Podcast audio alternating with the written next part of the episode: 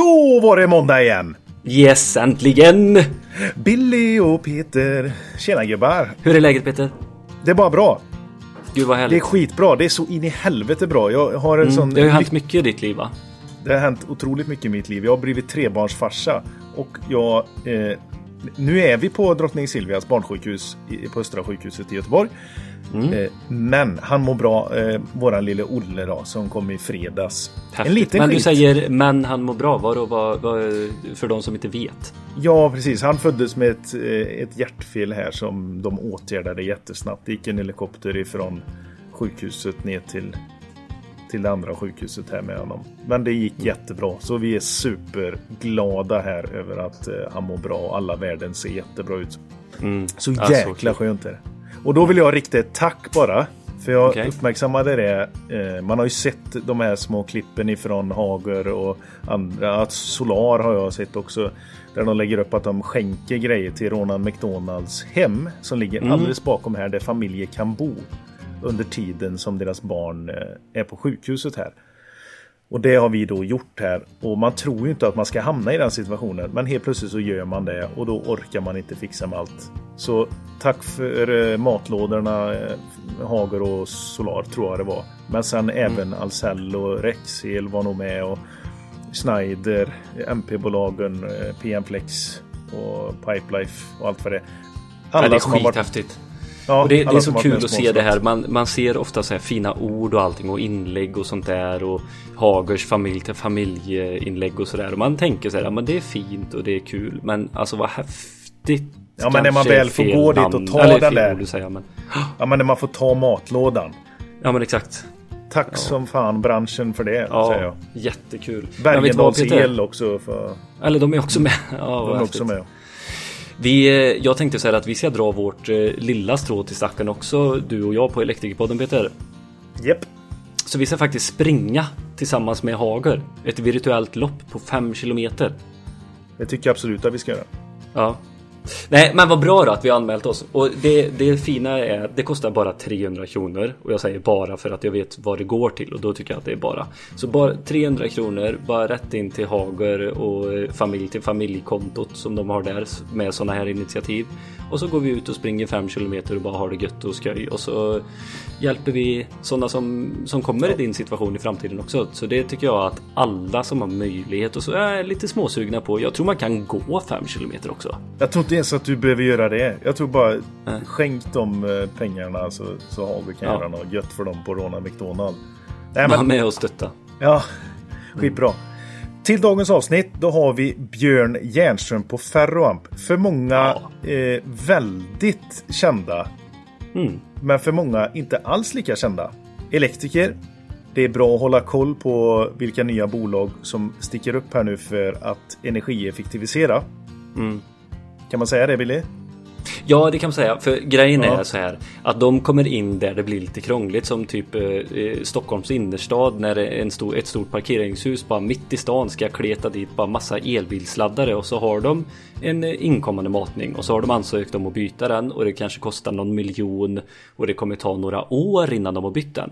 Ja, men då har ju de en perfekt lösning att sätta in med batterilagring och de har det här sitt egna DC-grid-nät som de liksom eh, kan prata emellan våningar och andra hus om det skulle vara så. Och, eh, med både solceller, energilagring och elbilsladdning. Alltså det är ju här, det här är deras lösning liksom. De kommer in och stöttar nätet där det behövs. Även hos privatpersoner. Alltså det går lika bra på en villa. Om du, har, du Peter som inte är så eftertänksam och har köpt både bubbelpool, bastu och en ny smegugn och spis. Allt bara ökar på och så står du där med din 16 amperes eh, huvudsäkring. Med, med haka ner i bord. Vad Jag sa nu 32. då? Jag sa Ja. ha 32. Precis. Vadå? Jag bara, skriv annat. Ja, och det går ju inte. Och du, du vill ju fortsätta leva som vanligt. Perfekt Precis. lösning. Kolla Ferroamp, det är skitcoolt. Svinbra. Eh, Ja, Björn är en riktigt duktig kille alltså. Det här Vad var det du kallade honom? Mullemäck? Mullemäck. Ja, ja han, han, kan, eh, han kan allt om detta. Så eh, vi blir nästan lite golvade över hur, hur pass mycket han kan. Mm. Ah, han är skitduktig. Och du, tänk vad lycklig han är nu Peter med det här nya lagen som kommit som träder i kraft nästa år där 2022 i januari. Ja, Med mikronäten som kommer bli godkända, alltså att du kan ha en, de, en delnings... Eh, Ja, du kan dela- delningsnät mellan fastigheter. precis.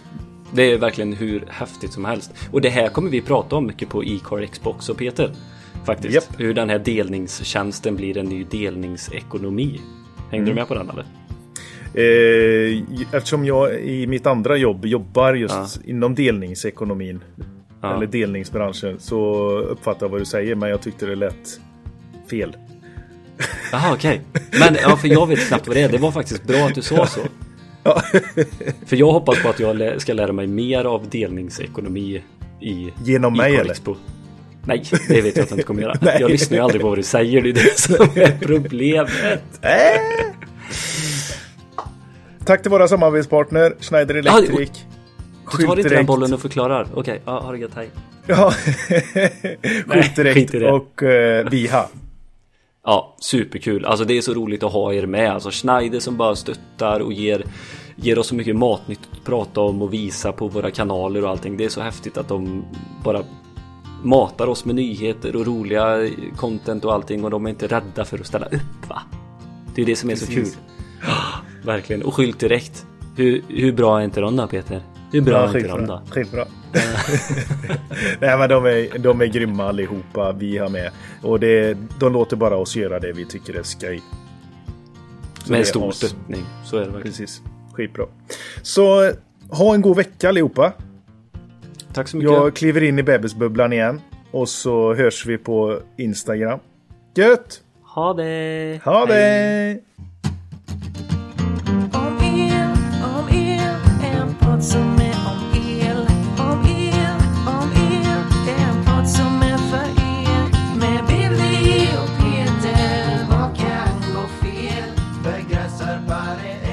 Vi har en eh, ytterligare en rockstar skulle jag vilja säga. Ja, faktiskt. Björn Jernström ifrån eh, Ferroamp. Välkommen! Tack, tack så mycket. Tack för den eh, fina introduktionen. ja, ja men är, vi, vi försöker sätta lite sådana epitet på, på den här personer i den här branschen. Eh, vi tycker ju kanske lite grann att det har blivit lite för stelbent. Så vi vill luckra upp den lite, göra den lite skojigare. Ja, ja men det, det tycker jag låter som en bra idé. Teknik och skoj är kanske inte de två mest besläktade orden. Eller? Alltså, jo, det, eller vad säger du? Nu kollar jag lite på Björn sådär, men jag tänker att eh, för en teknikintresserad så är ju teknik det som är skoj. Ja, så är det. Men du tänkte skämt, vill du säga det, lite under bältet skämt Ja, precis. Vart, har vi, vart, vart ligger det någonstans, Björn? Ja, ja, men det är en bra fråga. Men eh, fast jag tror att vi får ju en hel del draghjälp. eh, Därför att den här, även om det kanske inte är skämt, men det är ju alltså den här tekniken som vi håller på med nu med solceller och elbilar och energilagring och batterier. Det här är ju någonting som har gått från att för fem år sedan så var det bara nördar som pratade om det och nu så är det vanliga människor som engagerar sig i de här frågorna. Så Och tycker det är skoj. och tycker det är skoj faktiskt. Eh, Så, så där är det ju en, en ganska stor omställning. Ja. Så det skulle jag säga är en, en, en stor förändring i, i branschen. Men kände du dig väldigt själv när du satt på, på egen kammare och liksom tänkte att du, ja, du såg dig som den här lite ensamma tekniska eh, gurun i detta? Och att måste, du har fått revansch för det nu, för nu är liksom de grejerna som du har tänkt på i tiotals, eller i över tio år i alla fall, det är på alla släppar nu. Nej, alltså jag, jag skulle inte säga att jag känner mig ensam. Jag, alltså jag är nog en liten eremit innerst inne, så Okej. jag trivs ganska bra med det. Men, eh, eh, men det är väl mest att, att det är så fantastiskt kul nu att varje dag så kan man öppna en dagstidning eller se på nyheterna och så handlar det någonting om elektrifiering eller batterifabriker eller nya elbilar eller någonting som är kopplat till våran bransch. Så det är ju väldigt fascinerande att vara mitt i en, en omställning som håller på att ske. Det är ju skithäftigt. Ferroamp. Då har jag eh, gjort min research här. Ferroamp är ett, ett bolag som eh, Björn Jernström har varit med och startat. Du är grundaren för alltihopa. Ja, Precis. Ferro betyder järn Stämmer? och amp är ju ström. Precis. Järn. Järnström. Ja, Jag exakt. visste inte hur jag skulle få, få in det på ett bra sätt. Ja, jag tyckte du det är bra. Det, det, det kanske låter bra sen i podden. Varför, varför startar du? Kan du bara dra liksom snabbt för de som inte vet eh, vad Ferroamp är i lösning och vad det är för bolag eh, som, som du har grundat? Ja, den alltså första idén som, som gjorde att jag startade bolaget, det var ju det vi kallar för fasbalansering idag. Och det handlar ju om att utnyttja en trefasmatning effektivare genom att dynamiskt flytta ström mellan fasledarna i en, i en trefasanläggning. Eh, så att man då antingen kan sänka sitt säkringsabonnemang eller till exempel ladda en elbil snabbare. Och det var egentligen första produktidén som jag ville se om det gick att kommersialisera. Sen under resans gång här så, vi har hållit på i 11 år.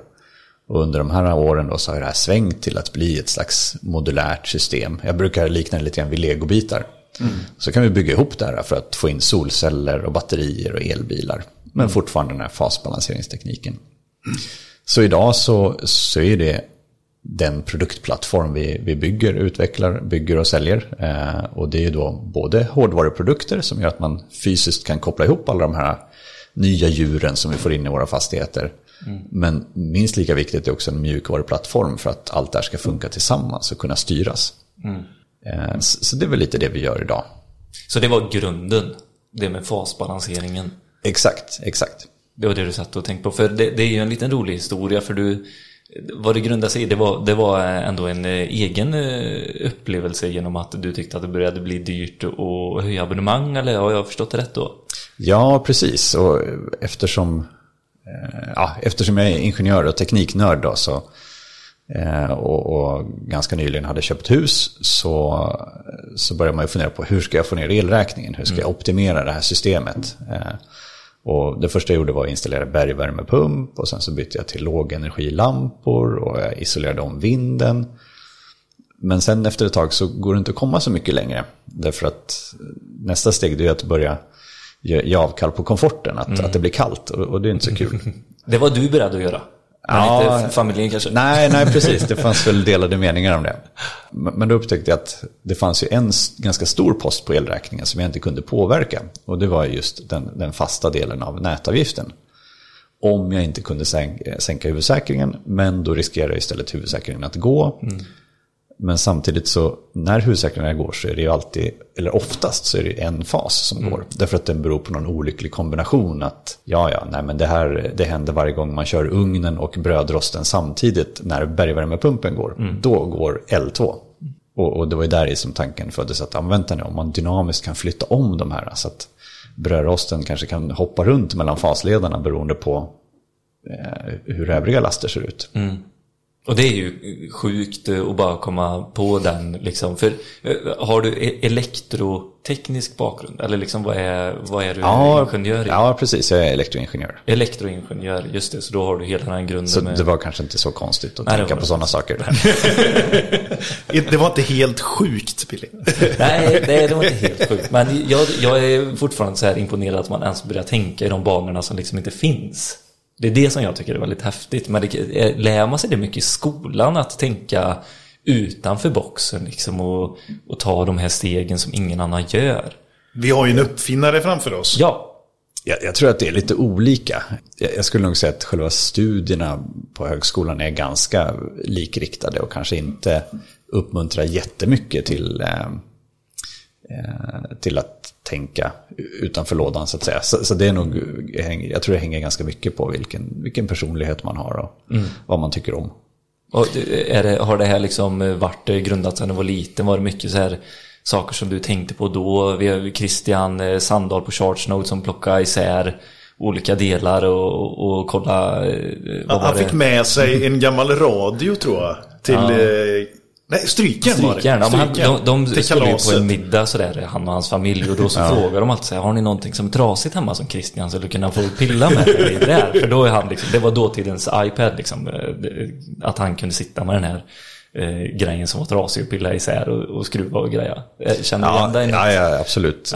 Alla gånger. Eh, Jag, menar, jag har alltid hållit på med elektronik ända sedan jag var liten. Eh, Och skruvat isär saker och försökt bygga ihop det igen. Och, och så så att det, ja, det, det ligger i, i generna eller någonting sånt. Det, Så eh, Billy, det är ju så här att i, i en vardag som elektriker så får du ett serviceärende och så ska du då åka ut på det här och släcka den här branden. Och så ställer den här personen också frågan sen. "Ja, Jag har sett rubrikerna om eh, energieffektiva system, så kanske de inte säger. Men vi ska sätta upp en laddbox här.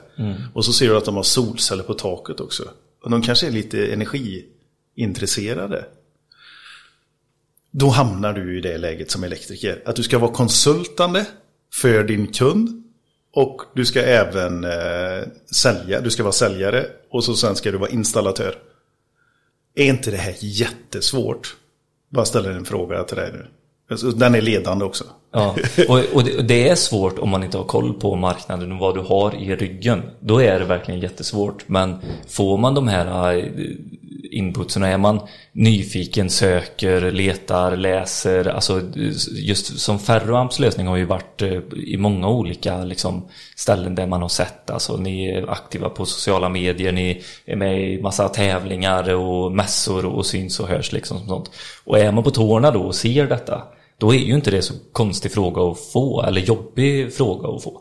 Utan men det- då har man den här lösningen med sig. Men att jag skulle själv som elektriker börja tänka ut eh, en PLC-lösning eller någonting som gör att saker inte går på samtidigt och gör att eh, liksom, huvudsäkringen inte ska gå. Det, det är liksom, nej, det vill man inte sälja i. eller jag i alla fall. Men det finns det, jag menar att det, det finns ett konsultande i att presentera olika typer av lösningar.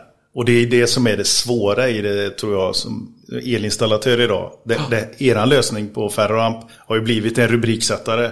Och då tänker man ju snabbast på sin elektriker. Så det, men det är därför vi vill göra det här avsnittet. Eh, Så är det verkligen. Det är för att verkligen få en mer eh, etablerad känsla av Ferroamp och dig Björn. Eh, hela lösningen. Hur ska jag kunna etablera den i min egen vardag när jag pratar med, med kund som installatör? Mm, verkligen. Och, och vi, vi tror att det, det här kan vara, det kan vara viktigt det här. Eh, Men och det, det kan ju kännas ganska så främmande och långt ifrån när du pratar om din bakgrund som eh, ingenjör liksom. Det kan kännas som det är en eh, ganska lång väg till oss elektriker där. Eh, tycker jag i alla fall. Ja, jag Att förstår hur du tänker. Så Jag skulle jättegärna vilja krympa den också att liksom det här du gör på den nivån du är på, det är också för oss elektriker. Alltså att det underlättar att vi jobbar mer tillsammans. Förstår du vad jag menar då Björn? Ja, eh, jo men jag, jag tror jag förstår det. Och, och, och även om ska säga, de produkter vi gör är Öppnar man skalet så är det ju extremt ingenjörsmässigt med massa små prylar och penaler och mjukvaror och, och grejer. Men, men ändå när det väl är färdigt och paketerat så är det förhållandevis enkelt. Eh, så det är lite som att installera en eh, tvättmaskin eller en mm. bergvärmepump eller någon annan trefasutrustning. Så att ur, ett, ur en elektrikers synpunkt så är det egentligen inte så, så komplicerat. Nej. Det som kanske är komplicerat är att om vi bara pratar tekniken fasbalansering så är det ju någonting som är helt nytt. Det kanske inte är den traditionella lösningen en elektriker söker. Utan det traditionella när en, en elektriker kommer ut på en, eh, till en kund och, och ställs inför problemet att huvudsäkringarna går eller det är fasobalanser. Det är ju ett första man gör är kanske att börja försöka flytta om laster. Precis. Men det kan ju vara väldigt tidskrävande och det är inte alltid det går. Eh, och, och då Och det där man- är ju en beteendegrej också, vill jag också säga. Att, att flytta runt faserna och sånt, det, det, då, då innebär ju det att då får ni ha samma beteende nu över en längre tid för att det här ska funka. Alltså Ja, när man börjar flytta om faserna, för det... Ja, ja precis. Och, och, och det vi har sett att det håller ju inte särskilt länge för att nu för tiden så folk köper ju mycket nya grejer och eh, gamla trefasutrustningar byts ut till enfas och, och sen så utökar man, bygger en ny carport eller eh, sätter in en eh, pool eller någonting sånt, spabad och sådär. Så, att, så elförbrukningarna se, förändras ganska snabbt över tiden. Eh, och speciellt då nu med, med införandet av elbilar. Mm, verkligen. Också mycket enfas fortfarande. Laddare ute Ja. som, som säljs. För många har ju börjat med det alternativet, alltså in, in, inkörsbiten till elbilar och det är ju hybrider. Och det är ju oftast enfasladdning på dem också. Ja, precis. Ofta så, de flesta laddboxar som man sätter upp är ju trefas, men, men bilens ombordladdare är ju ofta enfas. Och, och det här har att göra med att biltillverkarna vill ju hålla nere pris och vikt så mycket som möjligt på bilen. Så då så snålar de in och sätter bara in en enfas ombordladdare. Så det betyder att även om du har en, en snygg och fin trefas laddbox så, så kommer bilen bara att ta en fas. Mm, precis. tänker man inte på. Men jag, jag tycker det är ganska eh, klart eh, vad, vad vi ska gå igenom idag och eh, hur vi ska hjälpa. Men så har vi börjat med lastbalansering här nu då. Och det är ganska enkelt förklarat så som du sa, att man flyttar runt liksom lasterna och sånt. Men och för, för de som är lite mer insatta och nördiga då, kan du gå in lite mer på detaljnivå hur det funkar? Använder du liksom nollan som en, en ledare till de olika faserna eller hur liksom? Mm. Eh, exakt, det, det, det gör vi. Eh, och nu när vi, när vi säger att vi flyttar runt lasterna så är det ju inte att vi fysiskt kopplar om lasterna med någon form av kontaktor eller någonting sånt. Nej. Utan det här handlar ju om att absorbera energi ifrån en fasledare där det finns ledigt utrymme. Och så skicka tillbaka den här energin i den fasledare där vi hade mycket last. Eh, och rent tekniskt så görs det här med hjälp av kraftelektronik så att man egentligen har en, det man kallar för en inverter eller växelriktare. Eh, och då så tar vi energi från en fasledare, omvandlar det till likspänning, eh, mellanlagrar det här i ja, storleksordningen 12 millisekunder bara för att överbrygga fasskillnaden. Och sen så injicerar vi tillbaka det i, i den fas där det behövs. Hängde du med där Billy? Lite. Det här med millisekunderna, är det för att kunna få det i den här 120-gradiga förskjutningen eller? Och skicka i... Exakt, exakt, precis. För du har en liten tidsskillnad mellan fasledarna. Ja. Okej, ja men då är jag med. Typ. Alltså det här är skitsvårt. Det här är, det här är svårt att bara så här, ta i hjärnan. Jag kan förstå principen, men eh, jag hade ju aldrig kunnat få det här att funka. Om jag inte har era- grejer. Plug and play-grejer eh, liksom. Så är det ju. Men hur, hur påverkar det här elsystemet eh, i övrigt med liksom växelriktare och sånt? Vad, vad, får vi några komplikationer med övertoner eller eh, den här biten då på kvaliteten på elen? Nej, faktiskt inte. Snarare tvärtom skulle jag säga. Ja, Ehm, sen skulle man säga att för, för fem år sedan så skulle jag sagt att då fanns det en hel del utrustning som, som skräpade ner på elnätet. Men tittar man på den branschen som vi kommer ifrån som är ganska mycket kopplat till solenergi. Så nu för tiden så finns det ju rätt så hårda krav på ehm, eh, hur mycket övertoner och, och eh, elektromagnetiska störningar som produkter får skicka ifrån sig. Eh, och det här gör att i princip alla produkter på marknaden inom det här segmentet idag genererar en ren fin, sin, ren, fin sinusformad ström. Eh, så att det bidrar inte till övertoner utan snarare tvärtom. snyggt. För det är ju det man håller på och pratar om mycket. Alltså just hur de förstör elnät eh, och kvaliteten på elsystemet liksom. Ja, precis. Och det, så har det absolut varit. Men det gäller framförallt äldre produkter. Ja, men, okej. men med de nya regelverken som kommer nu med grid codes och med ehm, eh, de nya EMC-standarderna som, har, som har gällt ett, ett antal år så, eh, så skulle jag säga att det är inget problem längre. Ja.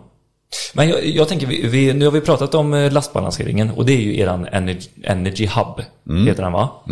Och om vi bara går rakt in så här, var- vart ska en sån installeras i anläggningen för att ha eh, så eh, hög eh, prestanda som möjligt eller vara så optimerad som möjligt? Eh, jag skulle säga att det är nog eh, det bästa sättet att optimera. Det är nog egentligen var någonstans som det finns fysiskt plats i, i fastigheten och var det enklast att installera.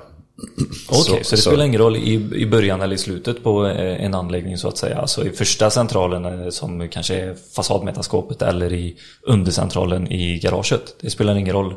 Nej, det, det spelar inte så stor roll. Det enda man ska tänka på där är att eh, när vi gör den här fasbalanseringen eh, så kan neutralledarströmmarna eh, bli lite högre.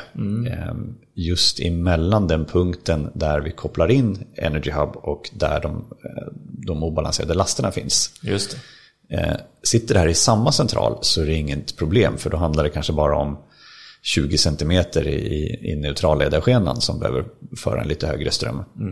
Men är det så att dina huvudsakliga laster sitter på en undercentral och Energy Hub sitter på huvudcentralen.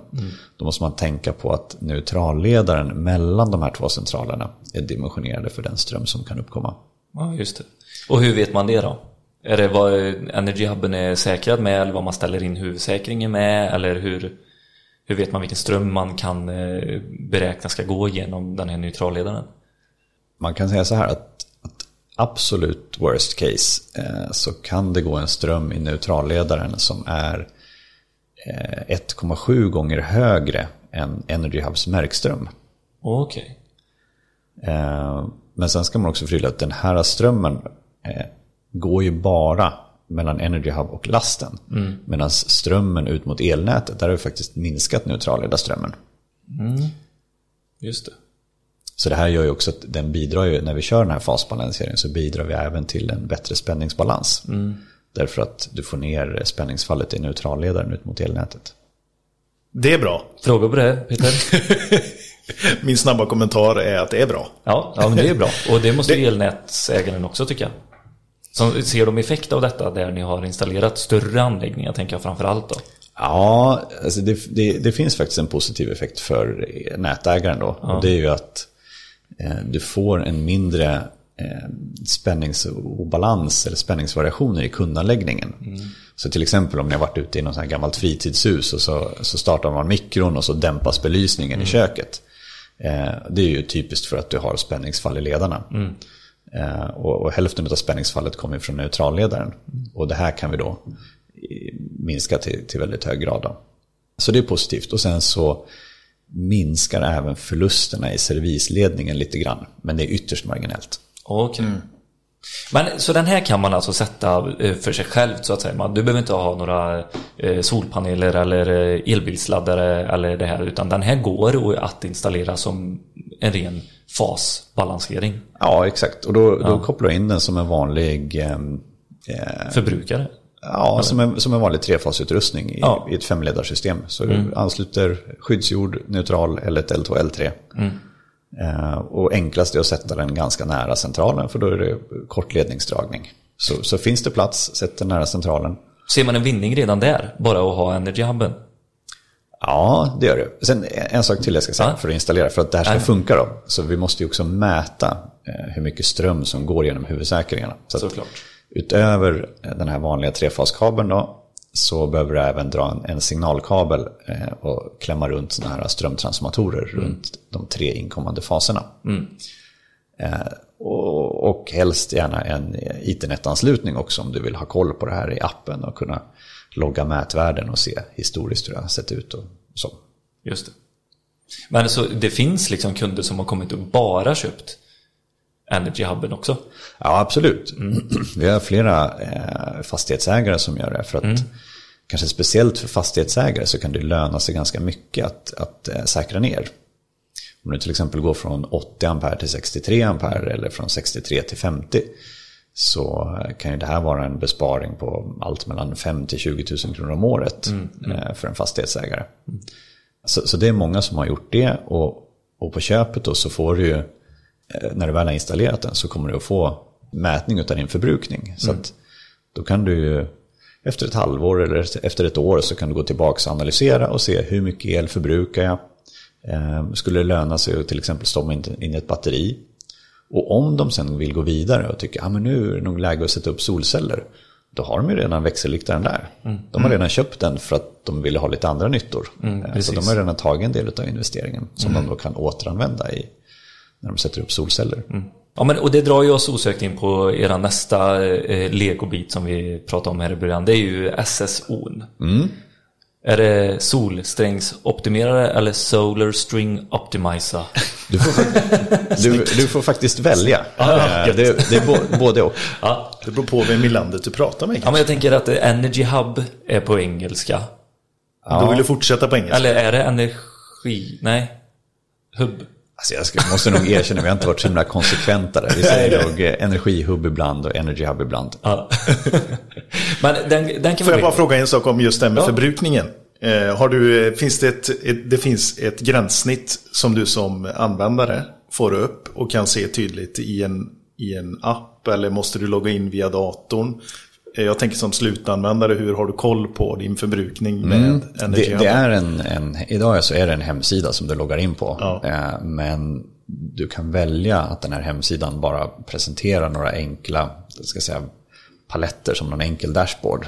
Så kan du se momentan förbrukning just nu till exempel. Eller momentan solproduktion. Sen så går man in i, i den här webbsidan så har vi extremt mycket information. För vi sparar i princip allting som händer i fastigheten i sekundupplösning. Så att man kan verkligen gå ner i detalj och se vad det, om det finns startströmmar från någon, Precis. produkt och Exakt. se hur mycket reaktiv effekt det finns på olika faser och se om du har spänningsdippar eller spänningsvariationer. Ja, hur kan man göra en eh, affär som installatör även för eftermarknad, på eftermarknad för det?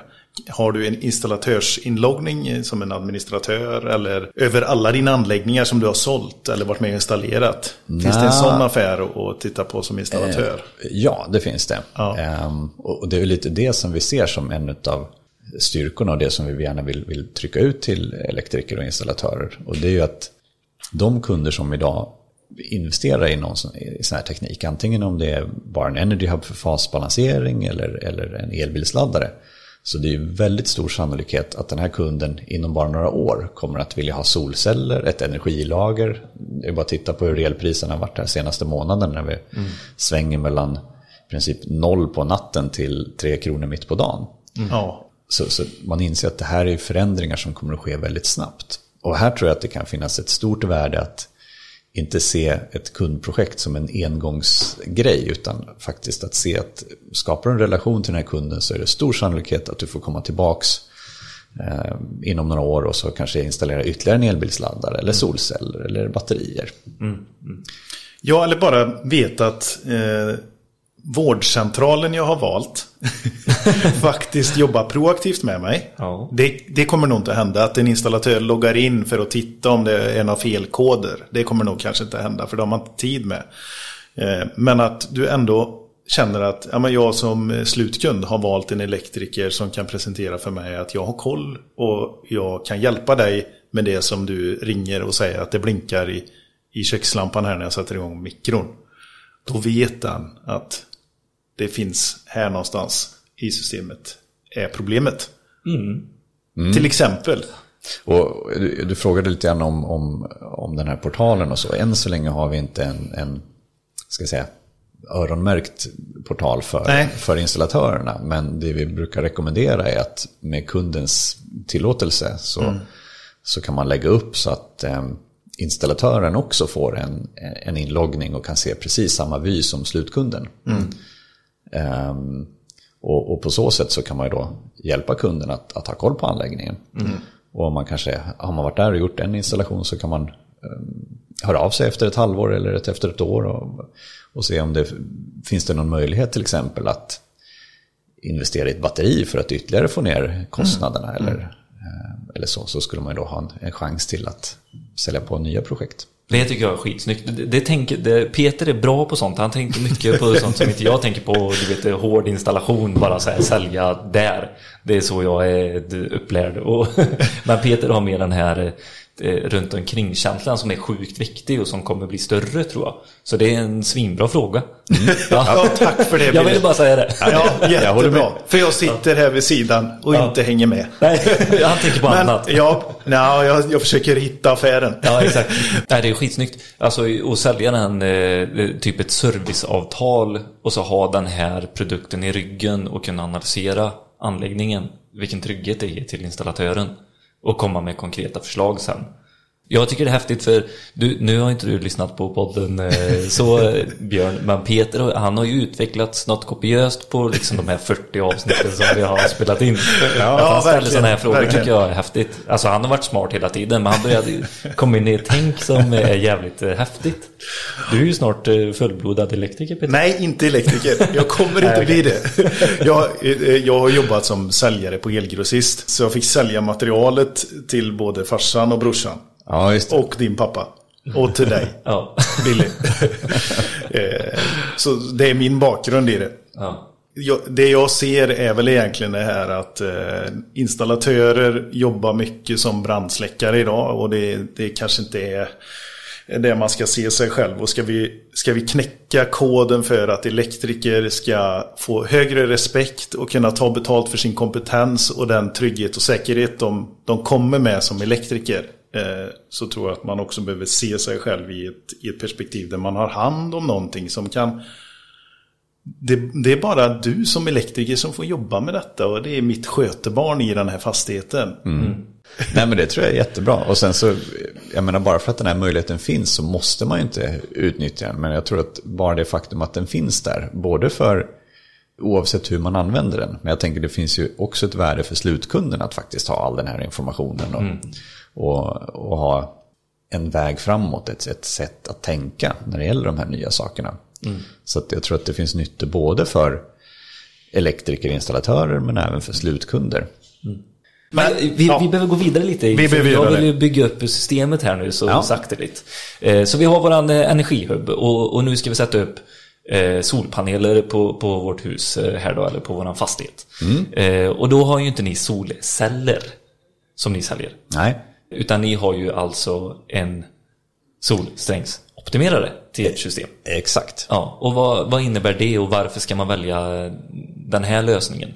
Det är lite så, det som skiljer lite grann vårt system är att vi baserar det på, på likspänningsteknik. Mm. Eh, och skälet till att vi landade i det här, det var ju lite grann att vi insåg att man, måste ha växelriktare därför att alla de här nya djuren som kommer in i våra fastigheter, solceller, batterier, elbilar, det är ju inneboende likspänningsutrustning. Mm. Medan när vi förbrukar el idag, när vi ska eh, kolla på tv eller eh, köra tvättmaskin eller bergvärmepump. Så all den typen av utrustning, även om det är likspänning inuti, men de är ju typ godkända för växelström. Mm. Så vi måste ju fortfarande ha växelströmssystemet, därför att folk vill fortfarande gå till sin eh, favoritnätshop och köpa en ny mikrovågsugn och sådär. Och det är växelström. Än så länge. Än så länge. Och då måste man ju då kunna konvertera mellan likström och växelström. Och för det har man växelriktare. Och tittar man på hur, hur det har gjorts traditionellt och hur många av våra konkurrenter gör så har du då en växelriktare för solcellerna eh, och så har du en växelriktare för ett batteri och så kanske någon växelriktare för att ladda en elbil då, den sitter ju i bilen. Mm. Eh, och, och, det blir ganska många växelriktare och speciellt i sådana här fall där du ska gå mellan likström till växelström flera gånger så får du mycket förluster. Mm. Och här insåg vi som ett litet företag att vi kommer ju aldrig kunna göra alla de här olika modellerna. Du behöver ju hundratals produkter för att täcka det här marknadssegmentet då, från villor till stora industrifastigheter som ska ha alla olika typer av utrustningar. Mm. Och sättet att hantera det här det var ju att tänka i legobitar och, och det här likspänningssystemet. Mm. Som binder ihop legobitarna liksom. Exakt. Det är limmet emellan som gör det hållbart. Exakt. Och sen så har vi bara en enda växelriktare och det är den vi kallar för Energy Hub. Mm. Så det är en enda punkt som är bryggan mellan likspänningsnätet och det vanliga växelströmsnätet. Mm. Mm. Men, men, då för att koppla in solceller till det här likspänningsnätet då, då behöver vi ha de här solsträngsoptimerarna eller SSO-erna. Mm. Och den, den funktionen de gör då, det är dels att eh, ha någonting som man kallar för maximum powerpoint tracking.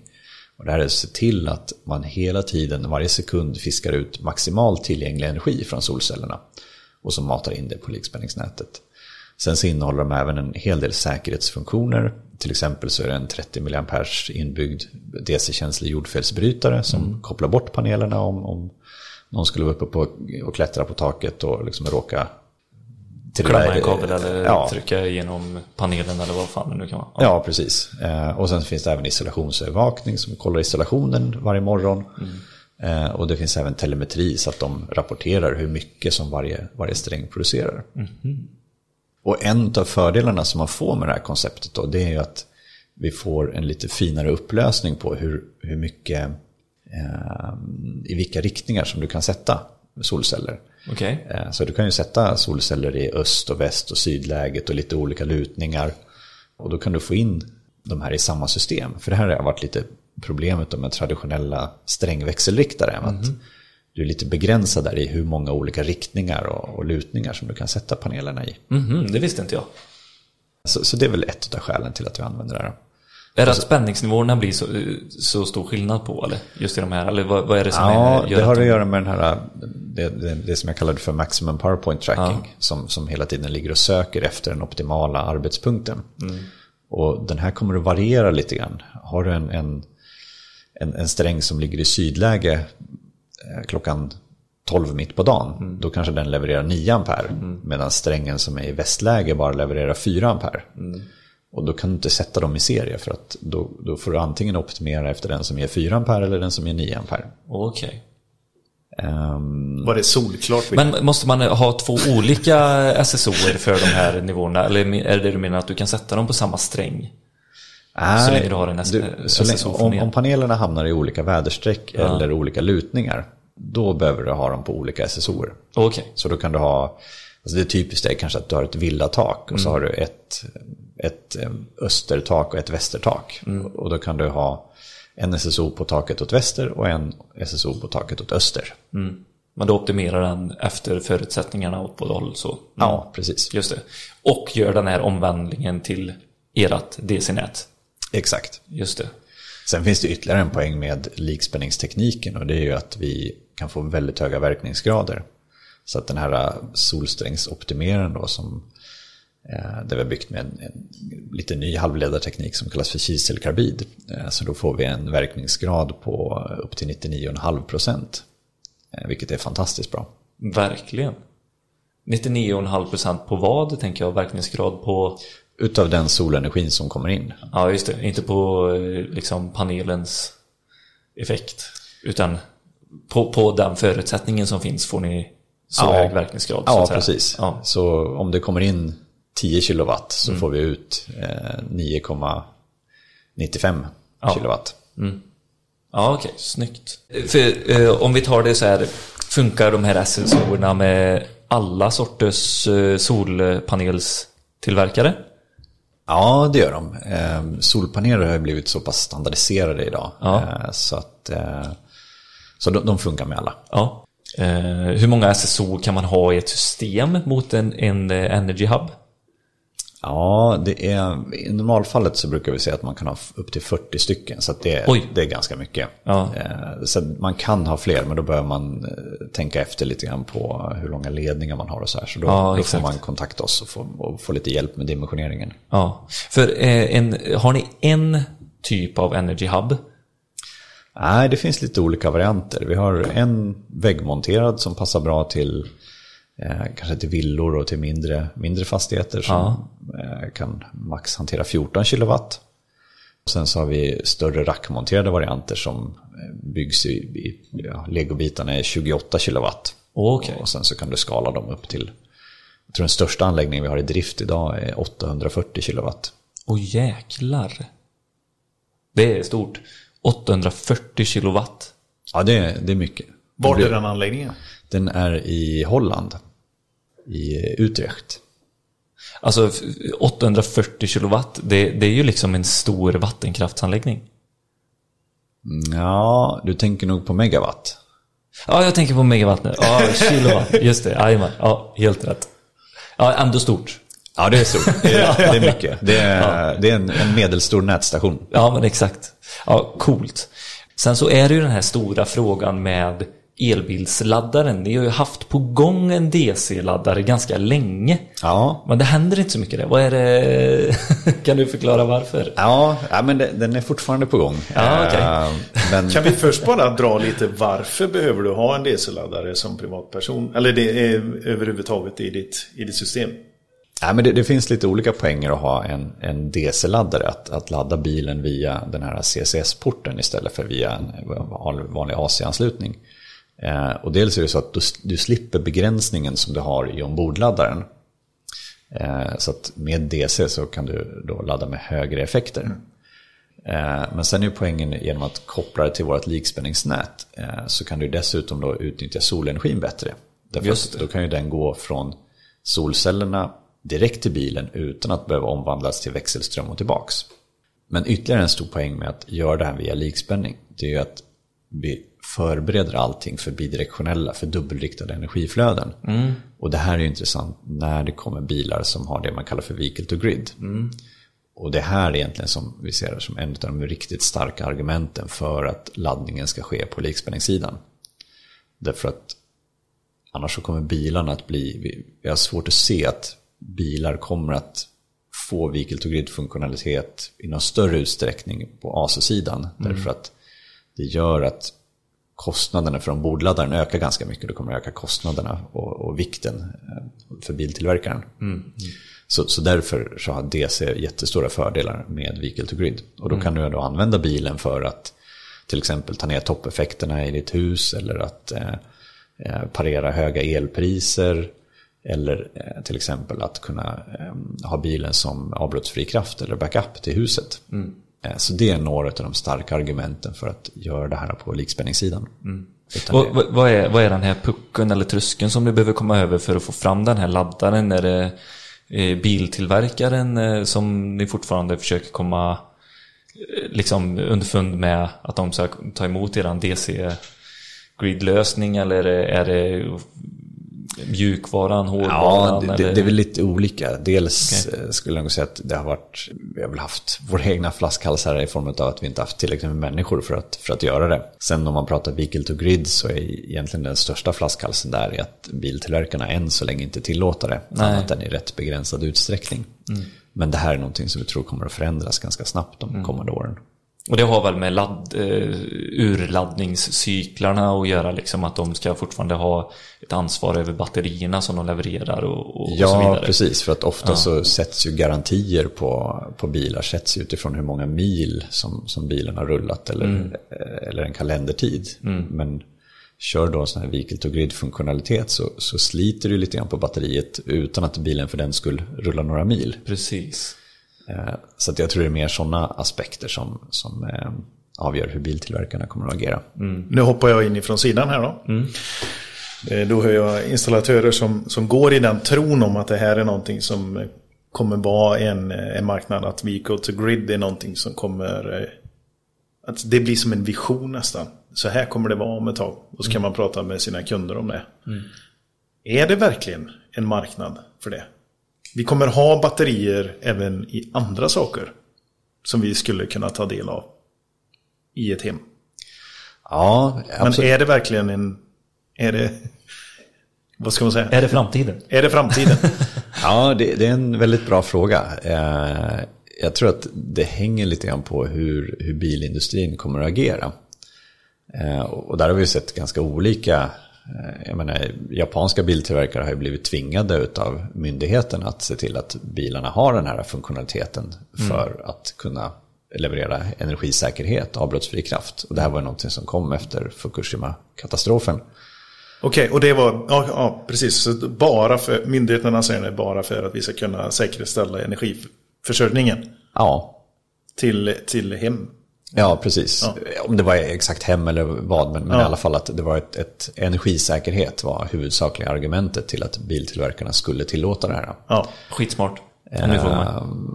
Och, och tittar vi på Volkswagen så har ju de sagt att nästa år så kommer de att komma ut med vehicle to grid-funktionalitet i bilarna. Eh, Tesla har sagt blankt nej, att man får inte köra vehicle to grid. Så att, än så länge så ser det ganska olika ut med eh, hur olika biltillverkare agerar. Vad blir din analys på varför? Varför ser det olika ut där? Varför är Tesla blankt nej på det? Eh, Jag vet faktiskt inte riktigt. Men jag kan tänka mig att det är... Bara för att de säger en sak idag så betyder det inte att de inte gör det imorgon. så eh, jag, jag tror att det är många som väntar och ser lite grann hur, hur kunderna kommer att reagera. Och än så länge är det väl lite grann hönan och ägget. Att det är inte så många kunder som efterfrågar det. Nej. Och därför har biltillverkarna ingen större press på sig att, att bestämma sig hur de ska göra. Och det här drar ju oss också osökt in på nästa grej här. För ni har ju en batterilösning för hur man än vänder och vrider på det så är det ju inte svårare än att det är en rullande batterilagring vi har i bilen men ni har ju också batterilagring där du kan ställa i huset. Och hur är efterfrågan där? Är det många som köper batterilösningar idag eller? Ja, det har varierat lite grann. Det har väl gått lite upp och ner med de här. äh, Det finns ju, äh, tidigare så fanns det ju ett, ett dedikerat bidrag för energilager. Eh, Sen har det här bytts till att nu finns det något grönt avdrag. Så man kan säga att för privatpersoner så är det svårt att räkna hem ett batterilager om du inte utnyttjar det här gröna avdraget. Okej. För batterier är fortfarande förhållandevis dyrt och ehm, det är svårt att, att, att liksom räkna hem det. Skulle jag sagt fram till i sommar. Sen, eh, just eftersom vi senaste månaderna har sett sådana enorma prisvariationer på elpriset. Så nu börjar det faktiskt bli intressant även för privatpersoner i, i högre utsträckning. Så, men annars skulle jag säga att de lönsammaste eh, tillämpningarna för batterier idag, det är kanske lite större fastigheter. Där du använder batterierna för att, jag skulle säga primärt det som är allra mest lönsamt, det är när du använder batterier för att undvika andra nätinvesteringar. Eh, till exempel att du behöver ehm, Eh, Vi hade ett exempel med en stor fastighetsägare i Stockholms innerstad som eh, skulle utöka antalet laddplatser i sitt parkeringsgarage. Och få svaret från nätbolaget att ja visst, det kan ni få, men det kostar 4 miljoner och det tar tre år för vi måste gräva i gatorna. Och då var det ju billigare dag ett att installera ett batteri istället för att lösa problemet. Eh, Så att jag tror just de här fallen när batterier kan användas som alternativ till att lägga ner nya kablar i marken, då, då är det väldigt lönsamt. Jag... Men innan vi, för jag ville ta det här exemplet också som ni hade på eh, VM i Falun. Skid... Eh, Ja, Skid-VM just i. Falun. ja, just det. Den fick vi höra här när vi kom in, eh, berätta Anders. om. Ja. ja. Kan du inte berätta lite om den också? Det är också en rolig lösning, smart. Ja, det var en, en laddcontainer vi byggde till Vattenfall. Ehm, Och det är ju så att på många håll i elnätet och på platser där du vill kanske erbjuda laddning för, för elbilar eller som just det här när det gällde skid-VM då så var det ju elektriska snöskotrar som skulle laddas. Men det Även pistmaskinerna var elektriska också va? Ja, Det fanns en. Ja, det fanns en. Ja, okej. Ja. Ehm, och, och då är det så att på ett sånt här ställe så kanske inte finns tillräckligt med nätkapacitet. Nej. Eh, eller om du behöver ställa ut det längs med vägar eller om det är några event, Almedalsveckan eller någonting sånt. Eh, så kan det vara svårt att få fram en, en nätanslutning som klarar 200 kilowatt. Och, då kan man då med hjälp av en sån här container, då, det var en 20-fots container och sen så hade vi den eh, fylld med ungefär 700 kilowattimmar batterier. Det sitter fyra stycken 50 kilowatt snabbladdare på den och eh, fyra stycken vanliga 22 kilowatts AC-laddare.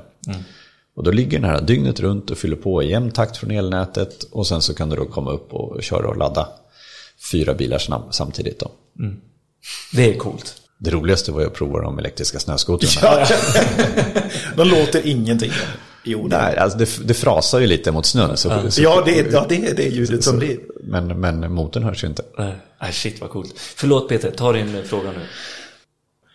Så jättebra, ett jättebra argument att ha med sig, tycker jag. Eh, Det är ingreppen mot fastigheten och vad som krävs för att komma in med en större matning eller istället. Och sätta det i relation till varandra. Precis. Den Ja. investeringen som blir, såklart. Ja, och det är ju kanske generellt det som, som driver en hel del av de ekonomiska aspekterna med, med våra system. Det är ju att eh, det senaste åren så har det svängt ganska mycket från att tidigare så har det varit huvudsakligen energi man betalar, det vill säga mängden kilowattimmar. Men nu för många kunder så är ju faktiskt det mesta, den största delen av elkostnaderna är elnätavgifterna. Det vill säga hur mycket kilowatt du använder, inte hur många kilowattimmar.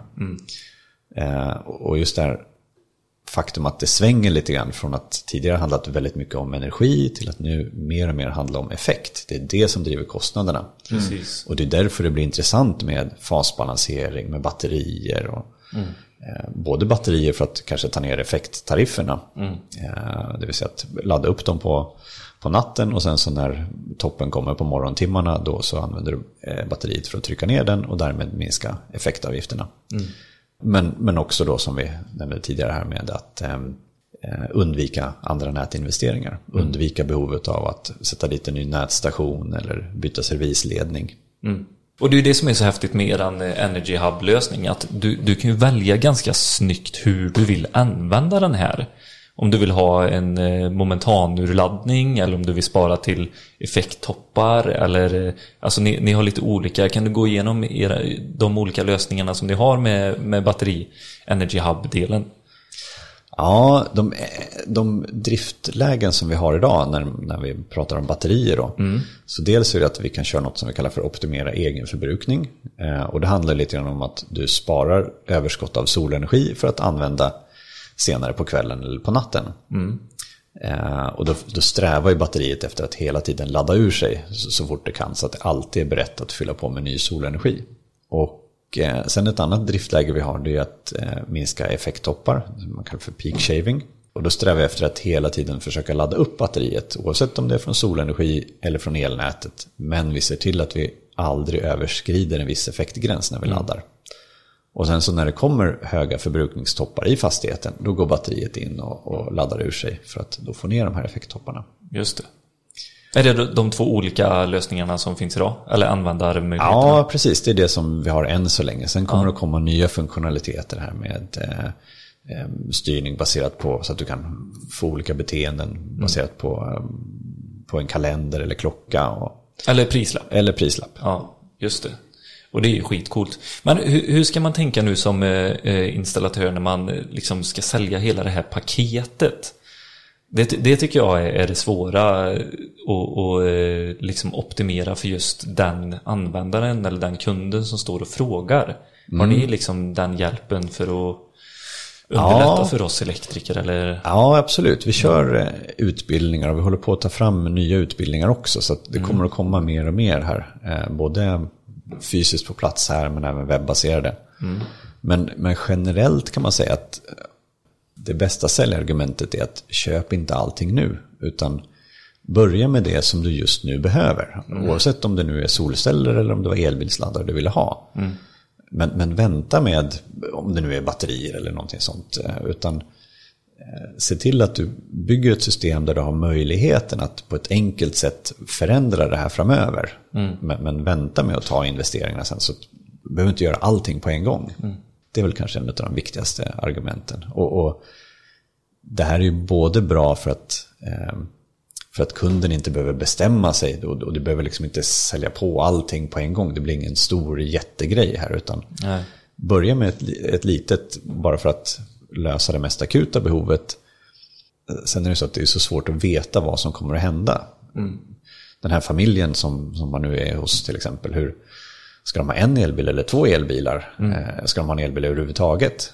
Det är säkert många som tycker nej, jag, jag har kvar min firmabil här, det är en dieselbil. Men, men jag skulle säga att det är extremt hög sannolikhet att deras nästa bil är en elbil. Och är det en familj som har två bilar så är det extremt hög sannolikhet att även den andra bilen blir en elbil på 5, 6, 7 års sikt. Det jag har hört är argument för att man har kvar sin gamla dieselbil eller bensinare det är att eh, det är manuell växel på barnen ska lära sig att köra. Ja, ja, men och inte köpa någon elbil som Ja, nej, men det är väl... Det Och då väl- finns det ingen affär för Ferroamp. det.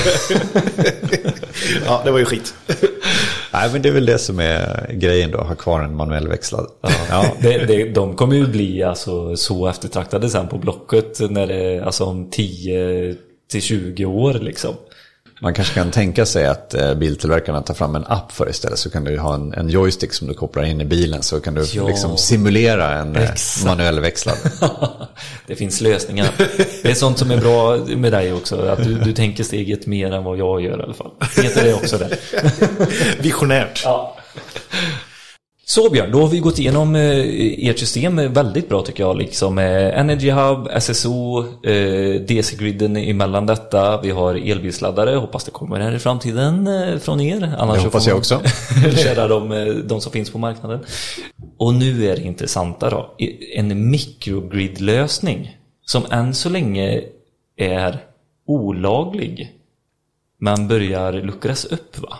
Kan du ta oss igenom eh, vad det innebär? Mm, precis, så den här mikrogridlösningen eller som, som vi kallar för PowerShare, eh, just för att trycka på att det här handlar om delning. Eh, Det gör att vi kan använda det här likspänningsnätet som vi har i en byggnad, så sträcker vi ut det och kopplar ihop det med grannbyggnaden med hjälp av en kabel. Eh, Och det allra tydligaste exemplet här det kanske är en bostadsrättsförening eh, som, som ganska ofta har flera olika huskroppar på samma tomt. Eh, Och då kan det vara så att inte alla de här husen är lämpade för solceller. Och det kan också vara olika mycket lägenheter i de olika husen. Vilket gör att rent fördelningsmässigt blir det lite svårt. Att, hur kan en BRF investera i solceller fast det är bara hälften av de boende som, som får tillgång till det. Men genom att knyta ihop det här med en likspänningskabel och sen så kan vi då ha en energy hub i varje hus och så injicerar vi solenergin där det behövs. Så är det så att i ett hus så är det inte så mycket förbrukning just nu, ja, men då, då skickar vi inte in solenergin där utan då skickar vi in det till, till, eh, till grannhuset eller till carporten där alla bilar står och laddar. Just det. Och det är det som vi brukar använda de här mikronäten då till att öka egenförbrukning av solenergi. Men det kan lika gärna vara att dela på en gemensam resurs i form av en snabbladdare för elbilar eller ett, eh, ett energilager. Så att du kan ha tre olika huskroppar som har eh, solceller och en Energy Hub var. Och sen så har du ett hus i mitten där det finns en eh, DC-snabbladdare till exempel. Ja. Då kan du kombinera de här tre olika huskropparna för att skicka till snabbladdaren. Ja, precis. Så, så istället för att en, om en snabbladdare nu drar säg 50 kW eller något så är det inte säkert att du kan ta det från ett av abonnemangen. Eh, För varje hus har ju fortfarande kvar sitt ordinarie ASA-abonnemang. Eh, Men, men då kan du få flera källor som du kan ta energin till den här snabbladdaren. Du kan ta all tillgänglig solenergi, du kan ta all tillgänglig energi från ett stationärt batteri och du kan ta all tillgänglig energi från tre olika nätanslutningar. Så att då kan du kanalisera all den här effekten till den här snabbladdaren om det är just det du behöver. Och det är det vi menar med den här delningen, att, att alla saker du har i det här systemet ses som gemensamma resurser som kan hjälpa varandra. Eh, Så det här tror vi jättemycket på. Och, och, och sen även i, i förlängningen så kan det här bidra till energisäkerhet. För att även om du får ett avbrott på, på det yttre publika elnätet så skulle vi kunna fortsätta driva det här lokala eh, likspänningsnätet. Då. Eh, Men sen är det precis som du säger att det här är ju rätt så kontroversiellt därför att det strider ju egentligen mot koncessionslagen. Så att det är många av våra kunder som vill göra det här men det är inte alla som får. Det finns ju ett antal undantag i koncessionslagen, till exempel om det är universitetsområden eller om de här husen är ihopbyggda med någon underjordisk struktur, till exempel ett parkeringsgarage eller någonting sånt. Ah, ja. Eh, Eller sjukhusområden och lantbruk, industriområden. Så, så där får man göra sådana här saker. Det finns ju i IKN-förordningen då, om icke-koncessionspliktiga nät. Men, men i grundfallet så är ju inte det här tillåtet. För jag tänker ju en sån enkel grej som typ om vi tar Stockholmsområdet där man inte knappt kan bygga ut med nya industrier idag för att det liksom eh, inte finns utrymme för det. Eh, Men eh, man har en, har en urbanisering som, som sker också med så här att nya villaområden nära storstan och allt detta. Och tänk då kunna bygga upp de här nya villaområdena eller de befintliga också med liksom en eh, microgrid-lösning eh, som blir en powershare i, i dem. Då, då avlastar man ju resterande nät väldigt mycket för att sen kunna tillåta andra industrier. Ja, jag, tror- jag tror det kommer att behövas många olika lösningar. Eh, Det som man hittills har gjort, för jag menar, Stockholm står inför problemet, Uppsala eh, och, och de flesta storstadsregioner i, i Sverige är på väg in i det här. Och, och det får ju sådana pass drastiska konsekvenser faktiskt, som, som du säger, att företag kan ju inte, etab- har de en stor satsning så kan de inte etablera sig där det kanske finns Tidigare kanske det mest har varit tillgången till eh, Människor transporter och människor som har styrt var du etablerar dig. Men nu är det tillgången till elnät som avgör var du etablerar en industri. Eh, och det är en enorm påverkan i, i hur folk tänker och hur, hur stadsplanerare och elnätbolag och politiker behöver tänka.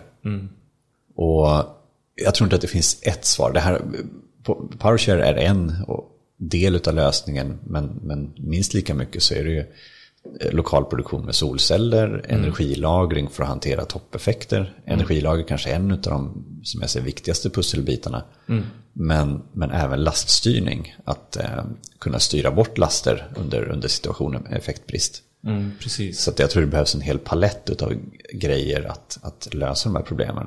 Inte bara det som man traditionellt sett gör, det är ju nätförstärkningar, att helt enkelt bara bygga ut elnäten. Det behövs säkert också, men det är ju sådana saker som tar 5-15 år att göra. Men ser du det som en, det är ju det som är lite häftigt att ni har ju de lösningarna in-house här, Ferroamp för att kunna möjliggöra ett eh, nytt bostadsområde med en sån här typ av lösning. Är du inte sugen på att typ ta, eh, bara bita tag i ett sånt där eh, liksom pilotområde eller sådär? Jo, eh, men absolut. Och vi har ju ett sånt nu faktiskt i, ehm, eh, som eh, är väldigt spännande. Ett eh, område i Örebro som heter Tamarinden. Just det. Som, där Örebrobostäder och ett antal andra fastighetsägare kommer att bygga en, en ny stadsdel. Där de just ska använda den här tekniken. Så det är ju jättespännande. Och där är ni med? Ja, Det är er te- powershare-teknik som de använder eller? ja. Ja, coolt. Nej, det, det är sjukt häftigt och det den här framtiden vi, vi har nu är ju så spännande. Men vi har ju fått lite eh, olika frågor som jag tänker att vi ska ta också. Och en fråga är ju skillnaden på fasbalansering och lastbalansering. Det är många som eh, har svårt att hålla tungan rätt i mun där, men vad är skillnaden? Ja, det är en bra fråga. Ehm, eh, om vi börjar med eh, fasbalansering då så handlar ju det om att vi alltid, alla laster är normalt inkopplade och får den effekt de behöver. Det vill säga vi kopplar aldrig bort någonting. Utan vi bara flyttar om energi mellan fasledarna. Så att ur, ur ett anläggningsperspektiv så, så märker man inte att det här sker. Utan alla produkter och alla laster får den energi de behöver i den tid de behöver det. Medan lastbalansering är kanske snarare som traditionella effektvakter.